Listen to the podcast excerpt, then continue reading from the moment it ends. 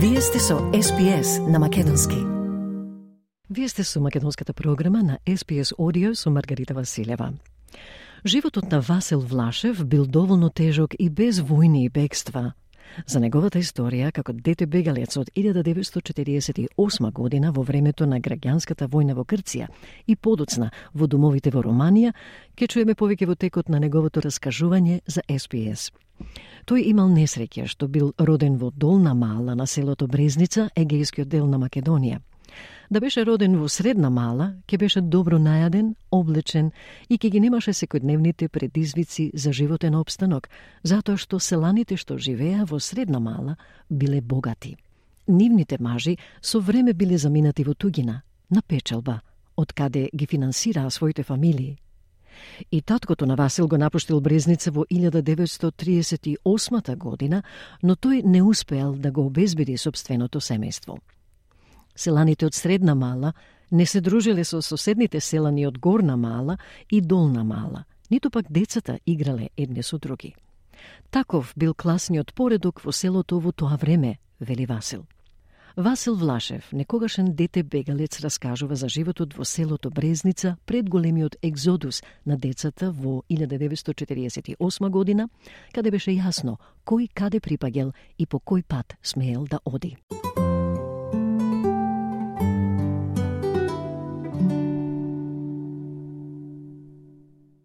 Прво, прво да почнам, помнам само годините, млади години што живи во селото, што се роди јаска. Селото, името му беше Брезница, околје Леренско и Костуцко прекрстено по грцки Ватохори.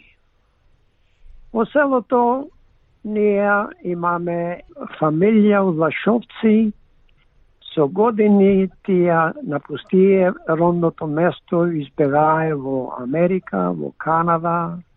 И како пример и татко ми избега 38 година дојде во Австралија, на, а, остај наза во селото Брезница, мајка ми со две керки и, и еден син, таа беше и мајка и татко, да гледа свекор и свекрва.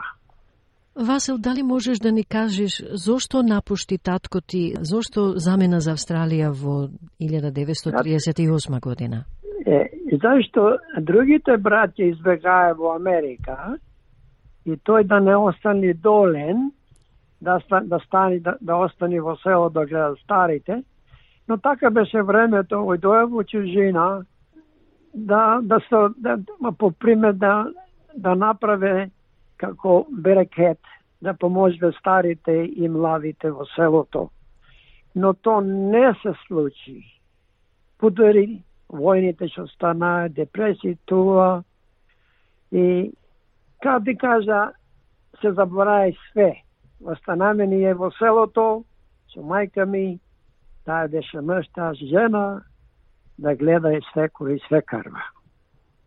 Седме во селото ние беше мало, мало селце, ама беше изгравено меѓу главниот пат, меѓу Лерин и Костур, за патот што одеше во, во, во Албанија. Во селото нашо, помнам како мало детенца јаска, поминае турци, поминае германци, поминае а, Булгари, поминае англичани, поминае американци. Што не беше? Тој беше главниот пат во нашето село изградено в Брезница, што де е преку Албанија и декога де е последне, и јас не знам. По селото ние беме поделени во три места. Беше Горна Мала, Долна Мала и средна Мала. Средна мала, горна мала бе повеќе мешани, тамо имаше малце власи и малце македонци, некој грк да беше, не важи. Во средна мала беше тие најбогатите што бе. Во долна мала дека се роди јаска, беме повеќе сиромаси и, ама, кога беше за празнуваме нешто, дали Велик ден, дали Крачун, дали вака, така, онака, сите се береме во Стрецело и пееме македонски песни без музика, излегаше гласо од повеќето од жените што знае да пее. Тоа беше многу убаво тие години. Васил, значи имаше од сите три мала, како што ги нарече горно, долно и средно, само едно средсело имаше, значи? Само едно средсело беше, тие што беа богатите, ги маа повеќе избегано во, во, во Америка, повеќе и тие пушвае пари са роднините што имае во селото. Да. Е, пак, пак ние, по сиромасите што беме таму, а, немаме помош од никој. Само, само имаме помош од а, замјоделството што се имаме таму. Имаме а, во куќата еден вол, а, трокози, едно бише, трозаеци и се живееме добро сиромашка живот, без помош од никој. Јас со мајка ми, мајка ми имаше, мајка, мајка ми како што се имаше жена. Одевме во, во, во земјоделството, имаме со еден вол, и требаше да правиме зевгар со некој друг во селото, за да можеме да ораме нивјата, да ораме да сееме и такви работи во селото. Така. Така обстанувавте? И, така обстануваме. И седне во, во, во, во селото ние имаме малце една, една градинка, садеме тро доматри, тро пиперки, се живееме сиромашка, веселна живот. Васел, кажи ми, колку беше ти близок со твојата мајка, како единствен син? Како еден син до мајка ми, со, со, до мајка ми бе јаска, а, дурна, кажа, по, помало од 13 години. Од 13 години, пред да стане граѓанската војна, 46 со 49 година. Сега таа та, та работа се беше малце, малце а, по, по, политика, И ако сакаш да почна за тоа, може да почнам. Кога дојде да, да градјанската војна што стана, бе во 46-49 година, а него а, што беше него монархијата и фашизму во Грција и ка се вели левата страна, комунистската партија, заедно со грци и македонци за слободата. После слободата, зашто ние во селото, како кажам, беме спречени да говориме македонски. Требаше да учиме на школи само по грцки. Но, кога си, одоне, кога си одеме дома од школјето по грцки, баба ми и дедо ми не знае по грцки. И баба ми велеше, Милона баба, како помина на сколје. И јас требаше да му шептам по македонски бавно, помина многу добро. Во исто времено граде корфилаците имаше астрономијата Молгатска трон. Во селото слушае во прозорите што говориме по език. И на трините, да отредингас со фоц и тогато време многу избегае од целото и многу идоe во апсаните во Макрон и Гура, зашто немаме право да говориме нашо мајчин език. Кога велиш избега, како избега? Објасни го тоа, ако, ако се сеќаваш. Избе, избе, избега е зашто не може да, да, да стои и да трае системот што беше а, тоа време мево, мево грците и, и, и македонците. Ени то време избега, избегаја ојдое во Бугарија. Ени ојдое во Апсаните, што бе патриоти македонци. Како ти кажа, ти беше една, една, една алабура, една политика, што не знаеме што ќе стане секој ден. Ке ти дава јас еден пример. Кога беше тоа Великден, нешто е Великден? Да. Е. Мајка ми, ми се оплете едно фанелче во тро волна што имаше и го облеку мало дете и сега таја кој имаше имаше треку кошки во саме јајца е по по по по по, по адето скашиме јајца Но исто времено кога тоа фанелче да ми беше бело мајка ми го клаве во сокошо во сваше јајца црвено.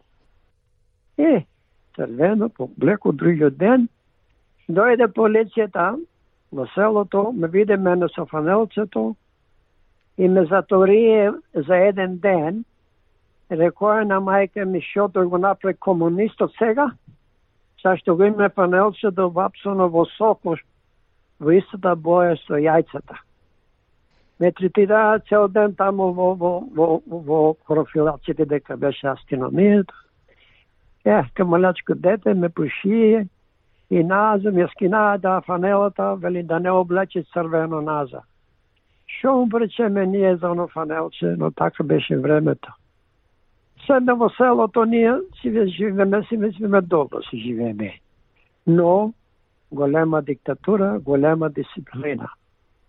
Сега во селото си имаме ние една, една чежма, со таа вода градеше од една планина. Едната планина беше а, зелена, што береме листија и дрва за зимата и за правдата. Да.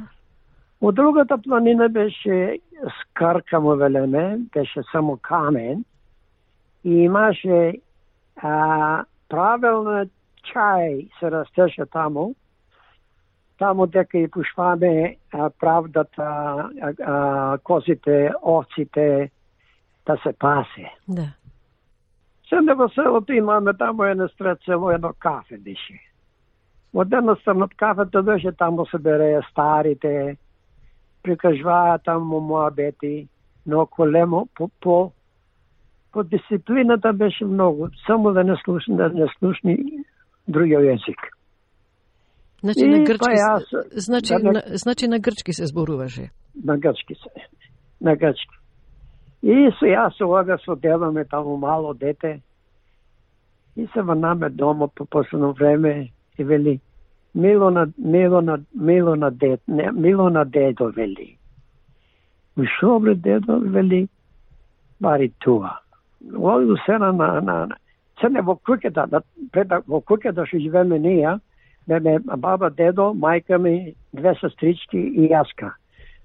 Горе во, во беше на два спрата, има три-четири спавачи, ама не одеме горе ние, зашто не беше страх од говците. Но сите се живеме долу. Од една страна беше Авро за, за, за правдата, од другата беше едно, едно, еден трем и еден амбар, што клавабе тамо зеленчуци, фрута, јаполц, јаболки за, за, за зимно време. Да. И по еден ден тој дедо ме, ме викна таму имаше едно едно кревенце со баба. баб дедо му вика ело и бабата е вадаја Кристина. Ме вика, вели, бари дедо на на дедо тоа. Бе, шо бре дедо? Јас бе на кои ја 50 години дали бе тако време. И имаше една, една, една, едно кесе малечко и извава пет драхми. Така. И ми дава мене те пет драхми, вели, ти ми остана, вели, најмъжки корен во Ливовлашотската фамилија. Сите синои избегаја по странство и јас само остана мъж на влашката фамилија и на Ило Влашо фамилијата. Па јас кажу, да, тие би зезве пет, пет драхми му и дала на мајка ми. Но после време, после време, а, дедо го прости Господ. И останал само баба, баба Ристана. Баба Ристана и дедо не зна ена, еден лав по грцки. Секој, секој пат да, полека да, да, да шепти ме, да не слушни писмено. Сега во, во, во селото, кај што ти каза, ние како дечки, а, имаме малце диахонија, не можеме да се разбериме со горна мала. Се биеме како малечки дечки. Правеме а, а, топки од а, чорапи, од трева.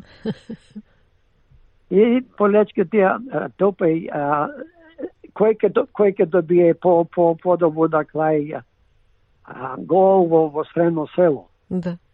Но да помениме, да помениме од, од средна мала на горна мала имаме доста мака. Во средна мала не не оставаа да, да, да, да одиме на горна мала. Но ние се најдваме се на во сколјето тамо, тамо си заврваме, си заврваме очите. Ама зошто не ви, не ви дозволуваат да одите во средна мала? Во, зашто, зашто и бе богатите. Бога, така, така беше кој не јаска. Ама Така, кој, така. кој бранеше? Некој го бранеше местото или Не, на, на, не бранеше никој, ама така беше времето, што не можеш да преме. Сите тие се кренае, се кренае на големо, ние сме богати, ние сме сиромаси и такви работи. А тие беа македонци, така? Сето македонци бе, ама по фамилите му бе поразбудени од Горна Мала и од Долна Мала. Тие уедоe во странство повеќе години. И А- пушпаа е, и тие пушпаа повеќе пари на стецело, пара ние што живееме во Горна Мала и Долна Мала. Во Горна Мала имаше само јаска една, една тетка беше и таа и наје можеме беше избегнал во Канада, си остана само еден син.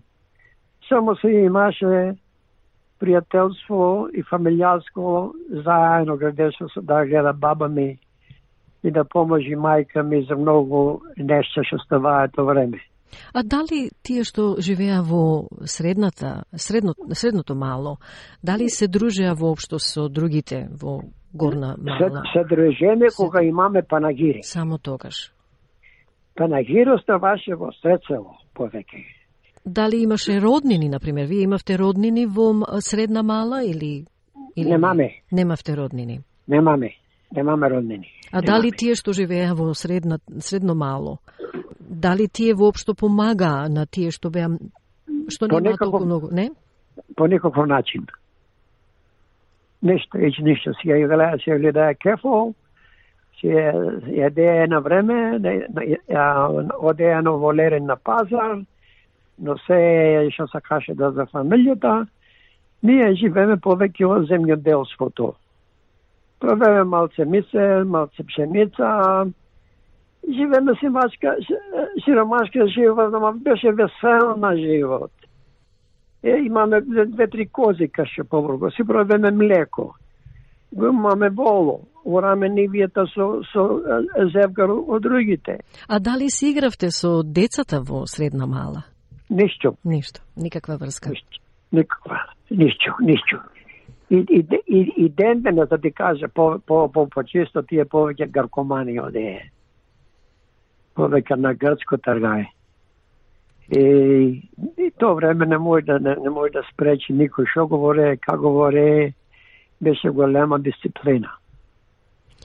Само во село, да се каза, ние како дечки живееме со, со само само за живење. Кога мајка ми гледаше во празници, што да ми даде? Кога беше едно лепче, малце солче озгора. Или макалваше малце сиренче, само само да поминиме. Но во сретало, во сретало јаде меса, јаде други работи, но не важи. Така беше времето тога. И по време, по време, што да кажам сега, Дали- годините Дали се дали се се соединивте со вашиот татко, дали тој праќаше пари назад По, ника, по, никаков, по, по никаков начин. Кога се дојде во Австралија, тој избега, избега од цел до 38 година, јас се родих 34 година.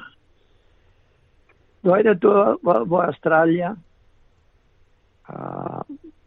прво прво дојде тоа во, во Брај, во маслата, дека и бе евкалиптис, со ни наши родини, еден тетко, и два синови имаше таму, да бере маслото да го бере и го пушпае секаде.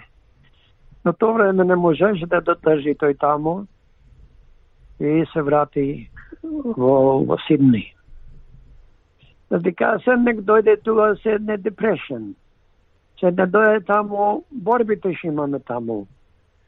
Немаме кореспонденц, немаме нишко, ништо, ништо да речеме да Када, када ти кажа, се, се заборавиме ние, дали знаеме татко или не знаеме ништо, ништо.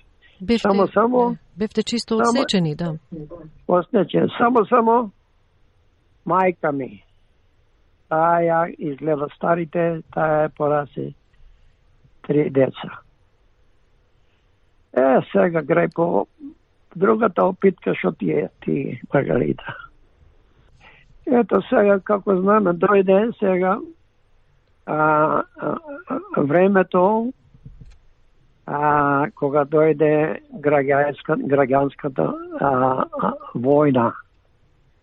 И ние како малечки а, не знаеме што става, само гледаме таму што бомбар, бом, бомбардирае а, англичанските аероплани што гледе во нашо во нашите села и што гледае нешто да се мрда одма пушпае бомби и да, да се стреле.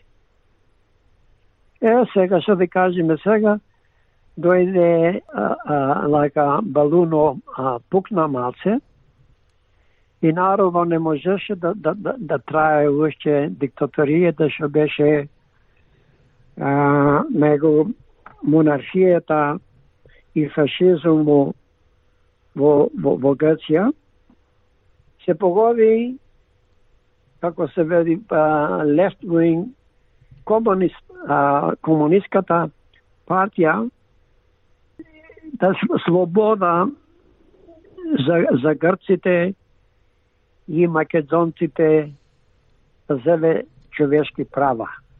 Тоа беше против монархијата, фашизму во Грција. И стана партизанството сега, имаше едни учени, мислам, учена, кај што помнат бе еден а, Маркова Фијавис и ја два души тие бе учени мисле во Русија за комунизам се вратие во Егејска Македонија таму. Во Егејска Македонија имаше близу неко 130, 30 села. И сега тие почнае мобилизација окрена комунизму заедно со помош и Грцибе, то повеќе помош имае од Егејска Македонија, од Егејт, од Македонија, и ние што трагаме мака за долго време, што немаме право за ништо. И тоа време беше паролата, казаат тие, ако ако добиеме ние системот што беше тоа време против фашизмот во Грција, ќе ви дајме право како македонци да си говорите езико, да бите што сакате да ви сакате система. Но не било така. Не било така. Таа беше една пропаганда, не знам од кој, ка.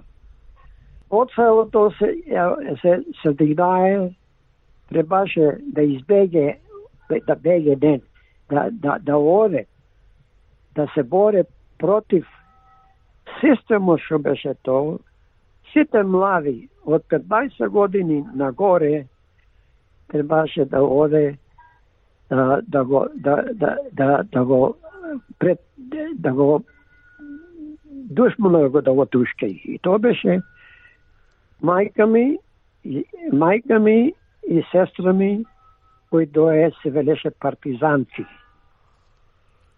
Таа беше 15-16 години. Од тој ден... Ја, Едната ја, сестра? Едната сестра, другата беше помала од мене. Да. Таа се роди после три години кога татко ми беше во Австралија. Остана како godchild, како, како goodbye child, да се таа. и сега, и сега, сега стана граѓанската а, а, а, а, а војна се собрае во нашето село, може да имаше 120-130 мажи и жени, повеќе од 15-16 години.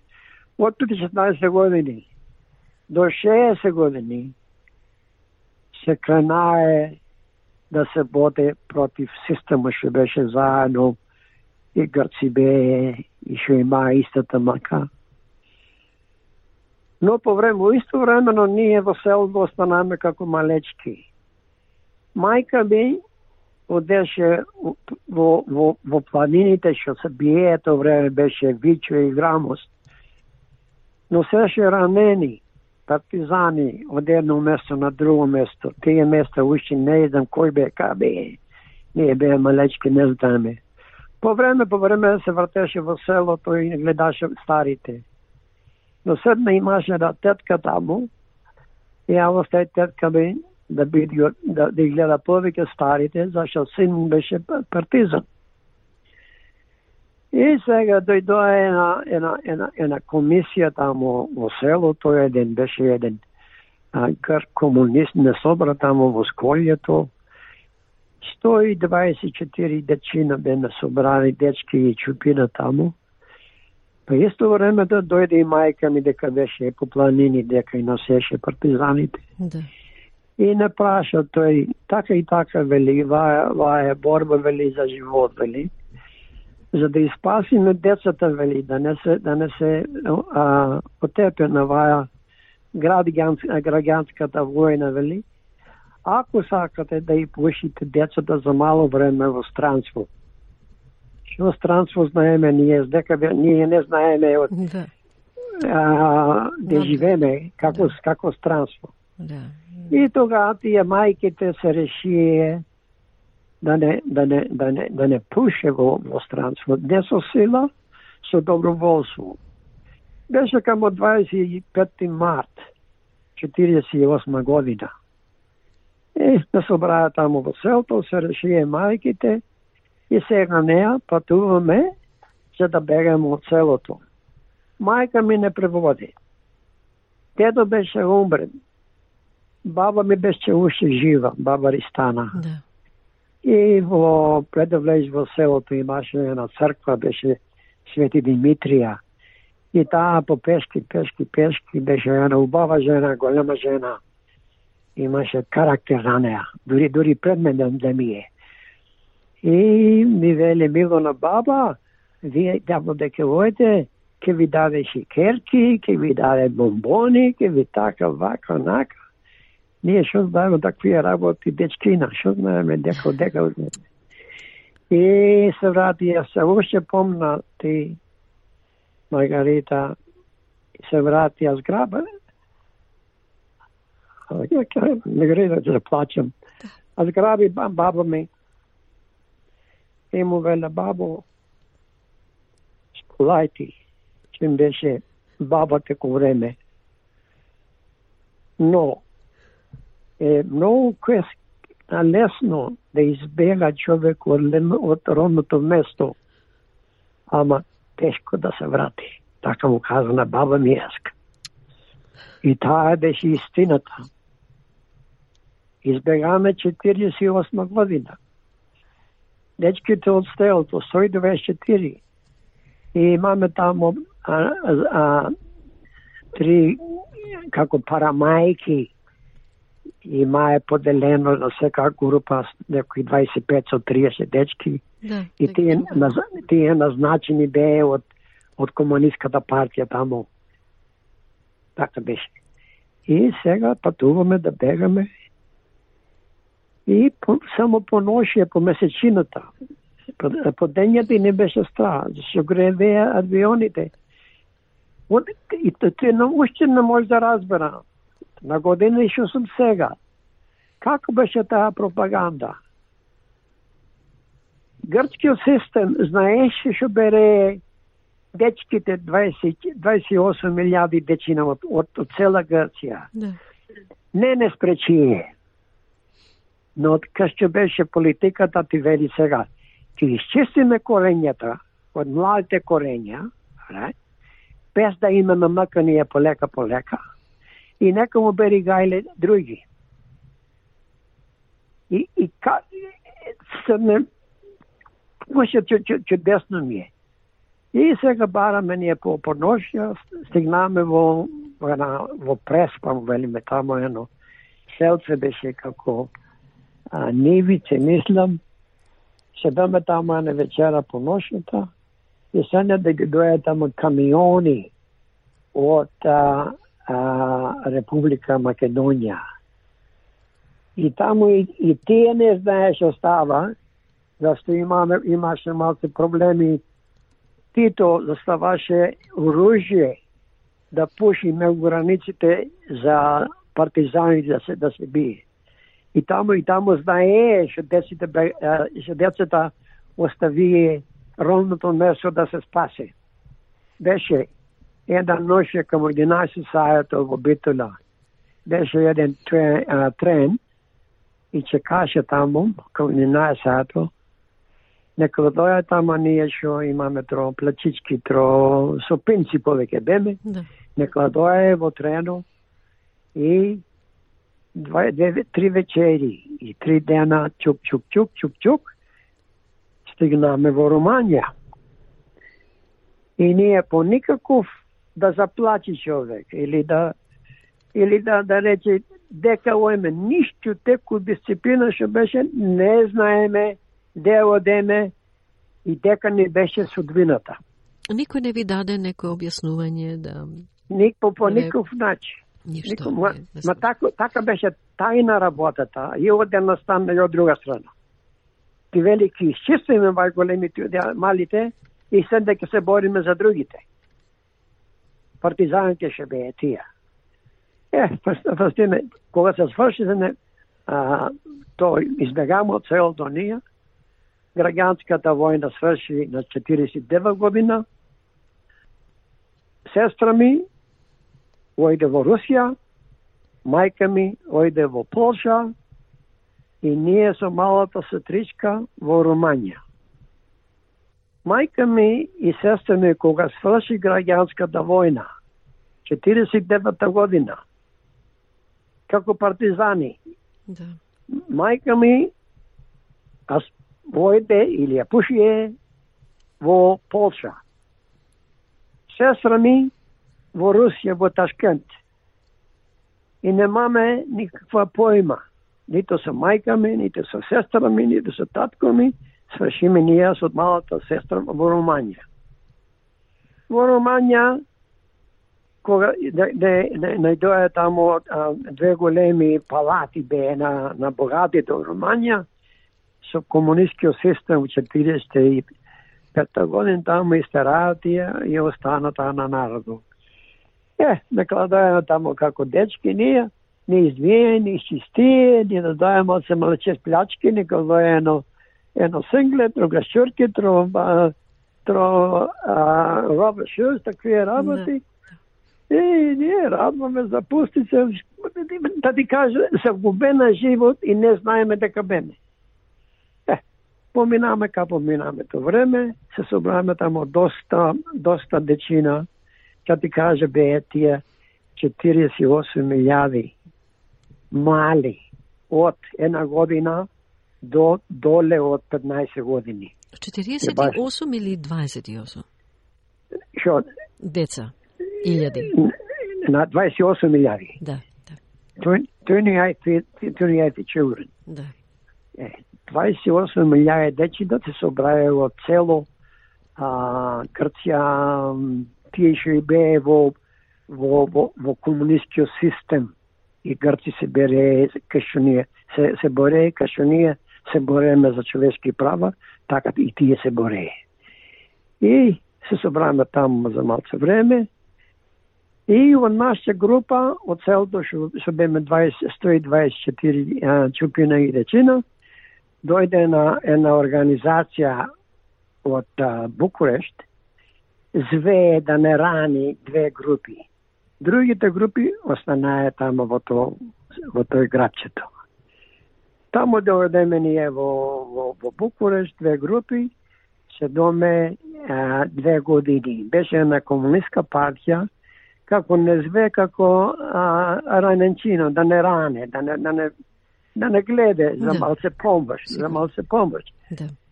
Но исто времено, дека беше таа голема куќа, и на беше напред беше само железо, не можеме врати да отвориме и градее многу стари грци што беа преселени во Румања по години, што беше работае по трговија, по а, вампорите, по такви работи. Да. Ти знаеш што ние беме бегаци. И градее тамо in, uh, in to, да, to talk to us. И ние, пара мајка не оставаше. Ние мисле да не краде од тама, ама ние не можеме да бегаме по никаков начин.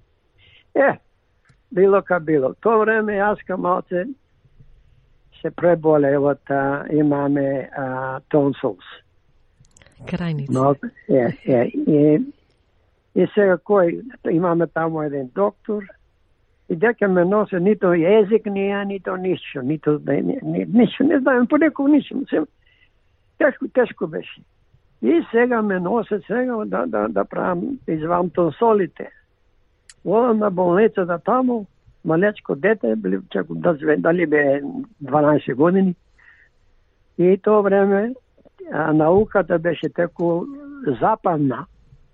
И ми изваваат е тонсол, се пометвам беше едно ноже, таркалесто, и би посекоја тонсолите и фалие во еден леген пред мене. Не те заспа, мислам, не те, не ти даде Баре, опака? Варе, како, какво заспање? како Така, заспање? бе, без, без опојка, ништо? Не. без ништо, без ништо.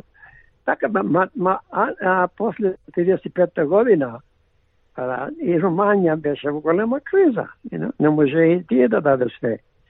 Е, било ка било, ме кладое во една, во една одајка тамо со два стари романци.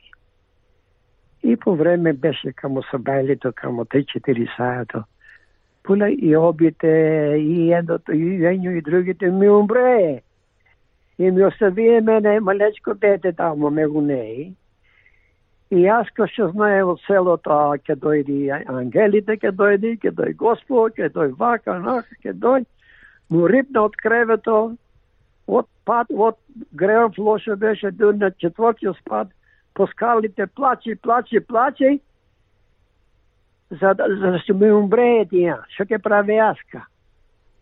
А, а, а, уште еднаш објасни ми, Васил, кој беа тие двајцата? Романци бе, романци. Значи, од домот. Од дом, од дом. Тие беа бомбили, овие си умрее, мекол доја мегу, мегу, мегу нејме. Да, да. Е. И почнам да плачам вака, онака, и се врати назад, ме застанаа тро, тро доктори, ме доја назад. Седне по време, потом доби инфекција, инфекција. На крајниците?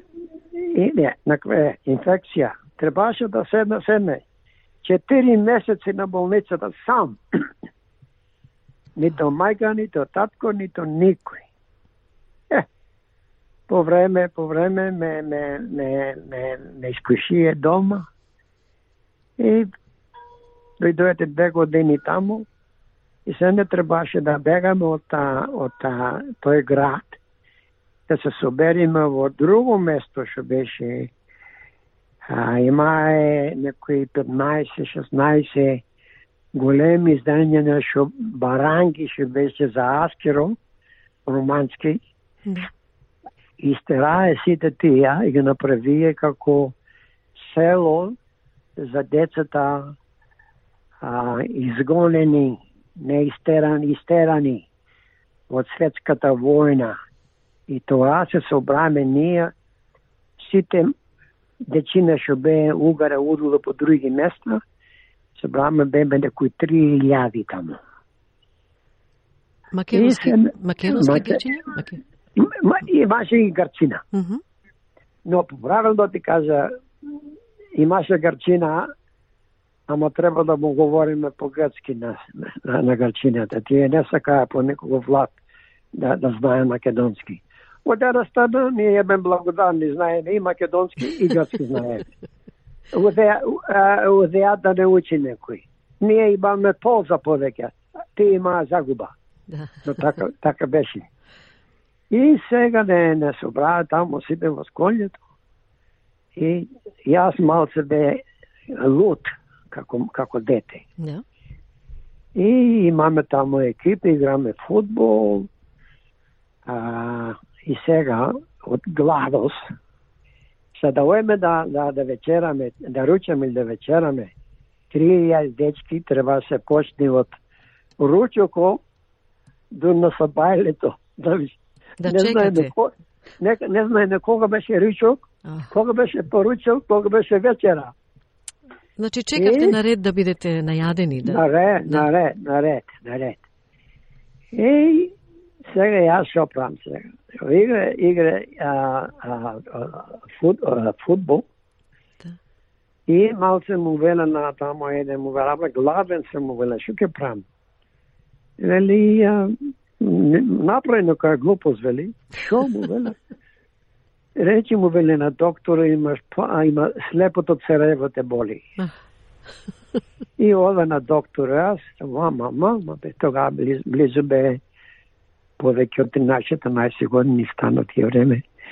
И му вела доктора, боли, боли, боли. И ме клава на болницата, ми го изваи слепото черево. О, Има да дое малце да јада. о, Рискираше Јас- слепоце, здраво Јас, слепоце. јас, јас по никаква боля, само само ода тамо да ми даде малце једење Да. повеќе. Океј, Ама- тоа сврши, тоа сврши. И сам да си направиме тамо еден, еден футболски тим, ќе играеме доста удово. По една неделја една, дојде една топка, ме удари тамо дека беше слепото церево, ми скина церевата. Но. А, а, Васил, дали тогаш кога ти направија операција од слепо црево, дали тогаш ти дадоа опојка или не? Ај, е, ај, е. Да. Тоа беше правилно, тоа беше, тоа беше лечитаме. Добро, барем едно нешто. Е, и сега, Васко, па на болницата. Три-четири недели едење и пиење. А, Е, да, и тоа помина. Сега во селото тамо имаме како офис, офис, е, официја имаме. И е бе малце како поголем, како по итар се прави, ама не знае, будала бе, ама итар се прави. И а, имаме тако е, комити, собрано тро души беме, во Романија уште зборуваш? во Ромања, во Ромања, во Ромања. Тоа беше едно место се велеше Тугеш.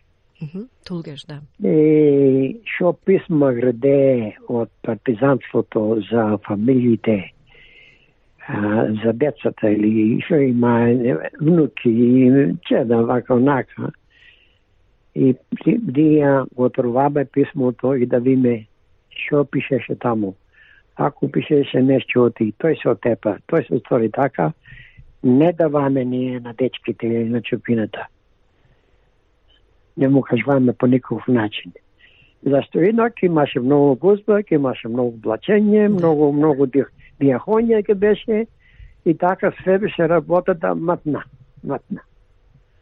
Е, сега поминаме, тамо беа со, со малото сестричка, што уште бија жива, а дојде време сега, да на- највете некои 15 години станаме, благодарност на Румања, од то селцо не пуши сега, во други места, во школи, да учиме санаед или нешто да си ја направиме живота полесна Да. на науката, што немаме ние таква наука од некој. Да.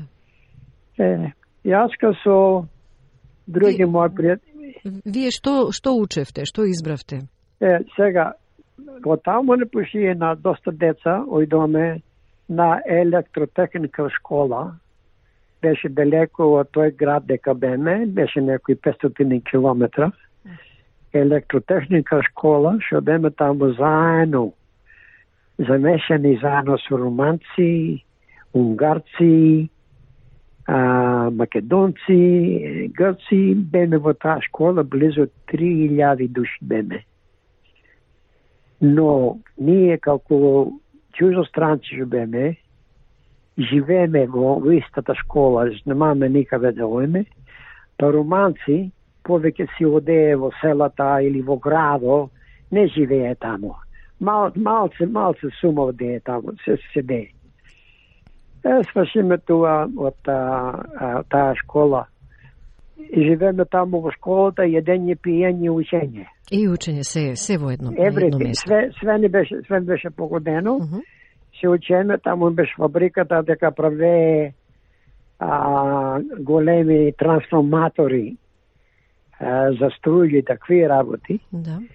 И па ние имаме еден мајстор, имаше една група собрани, беме некои 15 деца. Другите ојдое за пламери, другите оде за други работи. Секој, секој си се позна еден да, да научи, еден знае. Да. Е, е, па ние тоа време свршиме та, та, та, во то, то време, сега, после пет години, и сега што се прави? Ако се ја малце итер и малце знаеш познанство, Руманија не поши на велика школа, high education Да. све платено од Руманија. Од таму јаска не пушие докри а, унгарската граница што беше, јаска бе еден македонец и два грчина деца. И во исто времено пуля други 10 со 12, може 15 чупина дојдоа во таа школа. Таа беше школа за да не да не погоде, да не, да не груминг, да не направи да оеме на високото школје и на университет. Мгм. Седоме таму ние близу а, две години. Последната година дадо испити јаска, но исто времено требаше да влезам на комунистската партија. Колку години си сега во тоа време? Е, сега, сега уеме близу на а, 19 нешто години. На 19 со 20 години, нешто така. И сега сврши втората година и да оде се на, на, уни, на университет за докторат. Да. Полено време дојде едно писмо таму од мајка ми. Од мајка ми немаме ништо До тогаш. А, го- ништо, ништо, нито од сестра ми, нито од мајка ми. Но исто време кога сестра ми, кога беше во Руманија, таа беше во друг град. И не е, не е ме видено и сестра ми за 5 години само ја виду дено што ќе бегаме од Руманија. Да, да. Е, седаме таму, помина испитите, се не ќе одам во друг град јаска за докторат. Па Сакаше да чекам такви работи, но не беше сите платено. И то, не може да му заборавам на Руманија, аз што направи за нас. И по едно време земено писмо. Мајка ми не беше учена, не знаеше писмо. Кога таа се роди во, во, во, во едно село, а, се велеше Габриш, бе тие бе а, три сестри и три братја. Братјата избегани бе во Република Македонија, Македонија уште 20 година. Ченде таа остана мајка ми остана во селото, во селото таво, пред да, да се мажи со татко ми, да гледа две близначки сестри. Така си остана мајка ми без наука. Едната сестра стана учителка и другите повремено едната избега во, во, во Америка, другата ојде во Русија. Но долги работи, долги работи, што мајка ми стана, остана без писмо. Да. Но беше многу паметна. И сега од а, кога беше Полска, таму работаја тие на земјоделство, додека праве компири и таквие производства.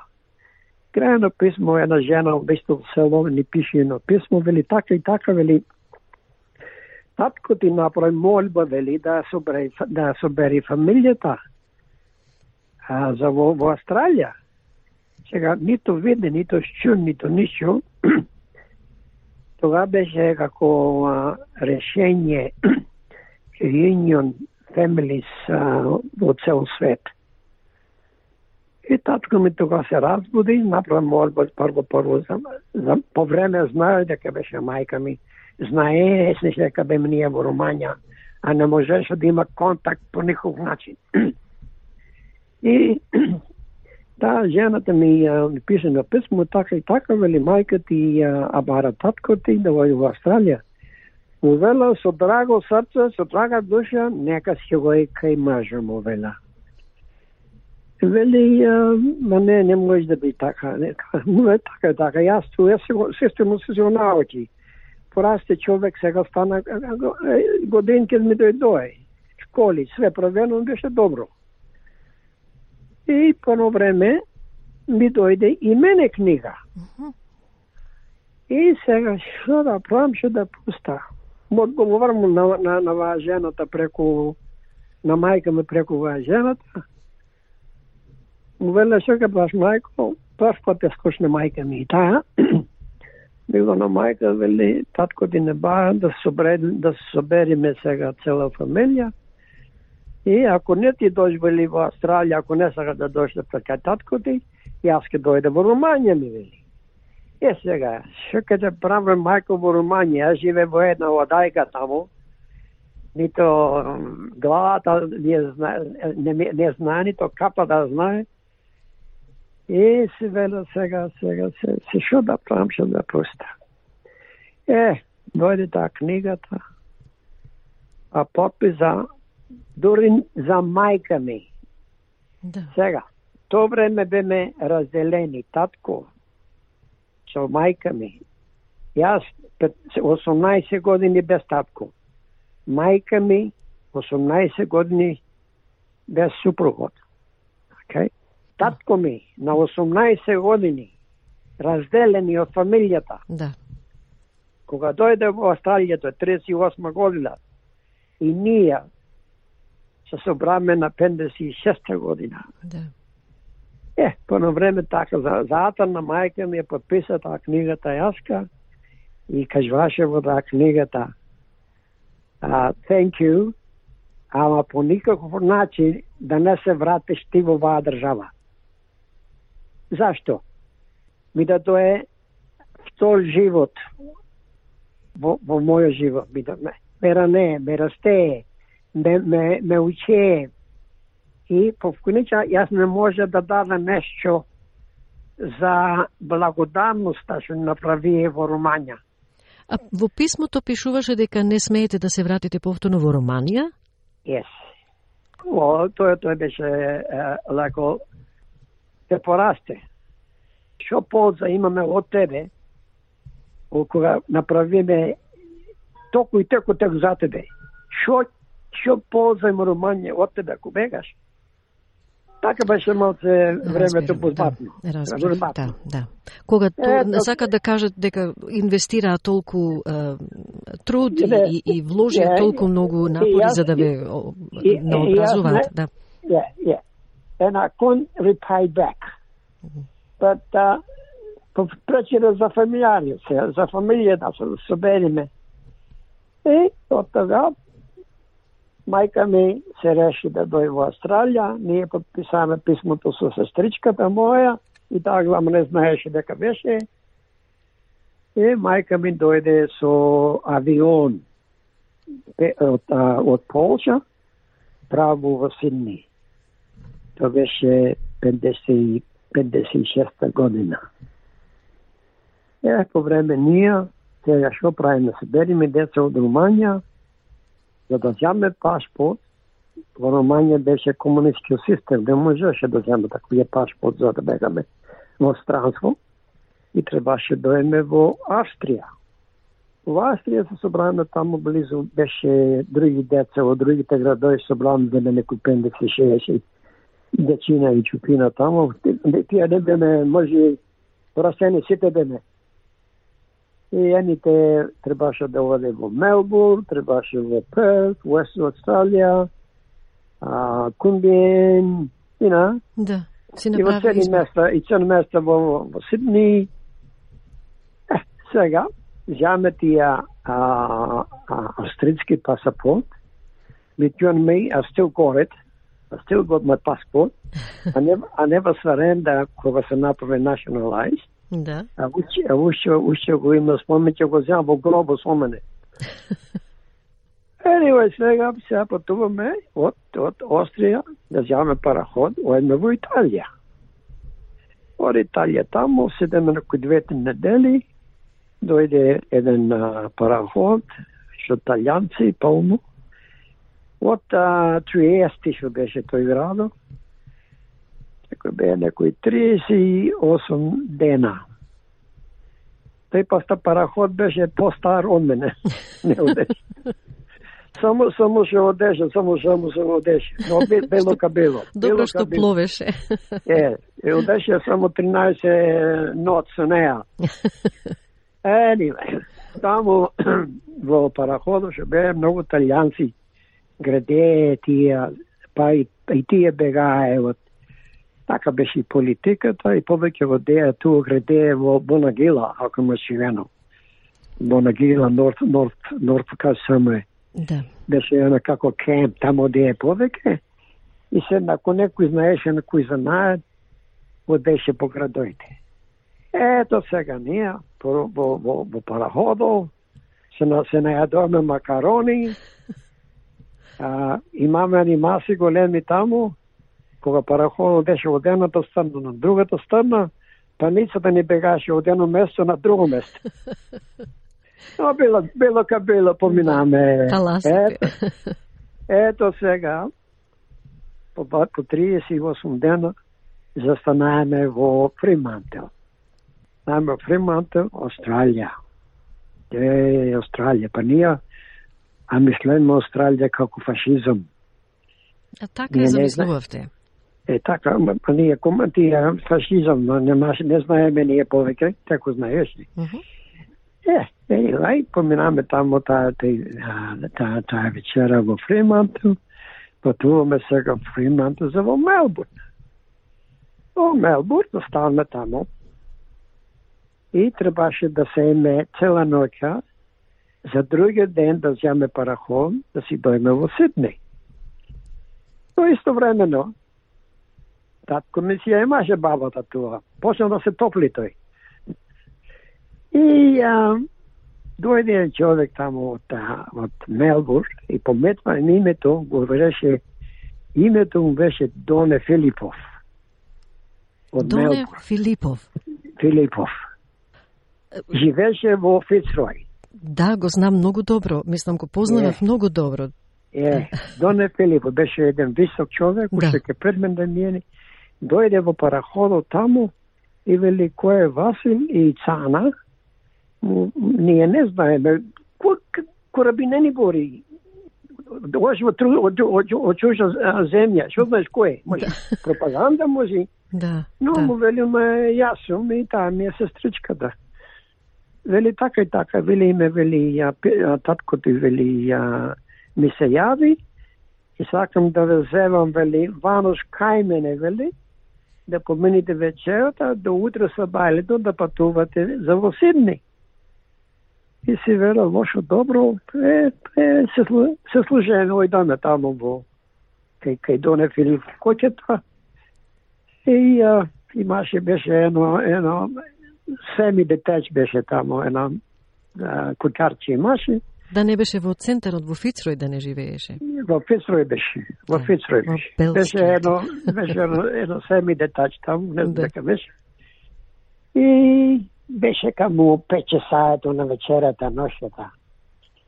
И татко му ми се јави од Сидни, му вели на Доне, децата ми се таму, прв пат слушнав и децата дека му се, преку години. И тој и дона му вели, тоа си, тоа си му вели, ја и син ти и керка ти. И вели, сакам да говорам, вели, сакам да говори со син ти, вели? И вели, да, сакам да говорам. Јас помрзна. Не знае каде реча. Татко, брат, Вујко, Стрико, Од тие 18 години јас нем слушано за татко. Е, се вера сега, е, е, јас сум, е, мајка ти тука, добро, му вела све добро. Ке се видиме утре, му вела. Ке застане параходот тука во сека кај во Ломалуш беше. И ке се видиме тога. Е, тога добро, вели. Му вела само имам еден проблем, му вела. Вели, шо е тој? Как, как те познам? Не сум менат. И вели, а, вели, јас там ке сум. И тој а, Доне Филипов имаше една пакета цигари, тоа едно малечко, едно малечко трапезче ше беше таму. Да. Беше една пакета, мислим, беше крај вина и цигари. И му вела на татко ми, кога застанеме му веле во, во пристанишчето во Сидне му веле, ќе земаш едно пакета крај вина цигари и ќе клаше раката на, на, на ветар му веле. anyway, next morning бегаме во Мелбур и стигнаме во Сидни. Во станиц престаничето немаше многу, сите застанае во Мелбур, во Перт, во такви работи, но малку сума беше, деца бега, отише беме во, во, во Сидни. И заставаме пристанишчето, параходот тамо голем, и пуля еден човек, голем човек со крева раката на горе и со една пакета цигари. И една, една, една женичка докрај него. И му вела на сестра ми, е, тој ни е таткото му вела. И таа вели, за сестра ми, не помртва татко. Таа се роди кога татко му беше избегал од селото. Но таа почна да плаче, почна да се бери докри мене. А пуната женичката докри него му вела таа, таа да не е мајка му вела. Еми, мајка треба да не е му вела. Но мајка ми е знае, јаска беше слаба, кожа, коски и, и кожа беше. И си вела, ма, не може да ни е мајка но таму да си работаше во Полша, ја дае компири цело време ја дене, малце се, се клака, малце шкемби направи. И ему вена сега на сестра ми јаска, о, во тие, ма да не е трудна одма му Значи, мајка ви замина пред вас во Сиднеј? Дојде, дајде тој со авион дојде, ние се да. с параход. Да, да. Било ка било, се собраме сега, татко ми имаше една, една, една, една куќа живеше, таа беше Чочо Венглан во, во Глива ерија до градот таму, че имаше едно, едно диканче, челар беше, и одаме таа пуста куќа, водајките бе книгите Лопа е песелуте, имаше кобуец, се затори во таа дајката, јас кој кошен да плачам на Маргарита почна да плачам, се велат, шо барам туе? Дојде мајка ми, отвори вратата, милона мајка, вели, да се благодаме, вели, што се собраме, вели, лошо, добро, вели, ке си поминиме, вели, и така. Се мајка ми дојде се на урва долу стез, имаме тро гости од Ньюкасл, што беше еден тетко, тетка. Е, и тоа беше да arrival во, во, во, во Сидни, 1957. Само само заборај да ви кажа оти да. сестра ми кога беше во Русија, таму остана таја и после 12 години го обеме ние туа, си ја земе и сестра ми таму, што беше мажена во истото село со две дечки, си е да накормени таа во, во Сидни. Значи се собравте крајно, се сите заедно. Крајно, крајно се собраме. yeah. О, Васил, ви благодарам за многу чувствителното раскажување за твојот живот и за периодот во историјата кога станавте дете бегалец. But I, can go on and on, you know. Да се разбира, да. Се гледа дека и ден денес тоа искуство ви остави голем белег во животот. Уште еднаш ви благодарам на приказната ваша како бегалец. Okay. Thank you very much. My pleasure.